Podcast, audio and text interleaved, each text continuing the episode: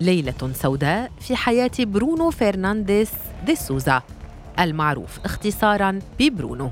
كرة القدم في البرازيل تثير الجدل وهذه المرة ليست في لقطة لكرة تجاوزت الخط أو راية حكم تعلن التسلل بل في التعاقد مع قاتل في أحد أندية الدرجة الثانية.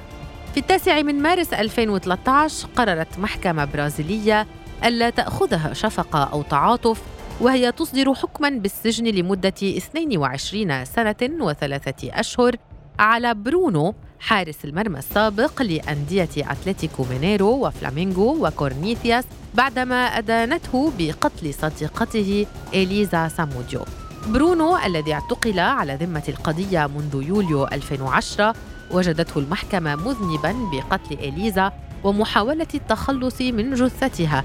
بتقطيعها وإطعام أجزاء منها للكلاب إلى جانب دفن جزء آخر لكونها رفضت الإجهاض وقررت ولادة طفل منه بطريقة غير شرعية.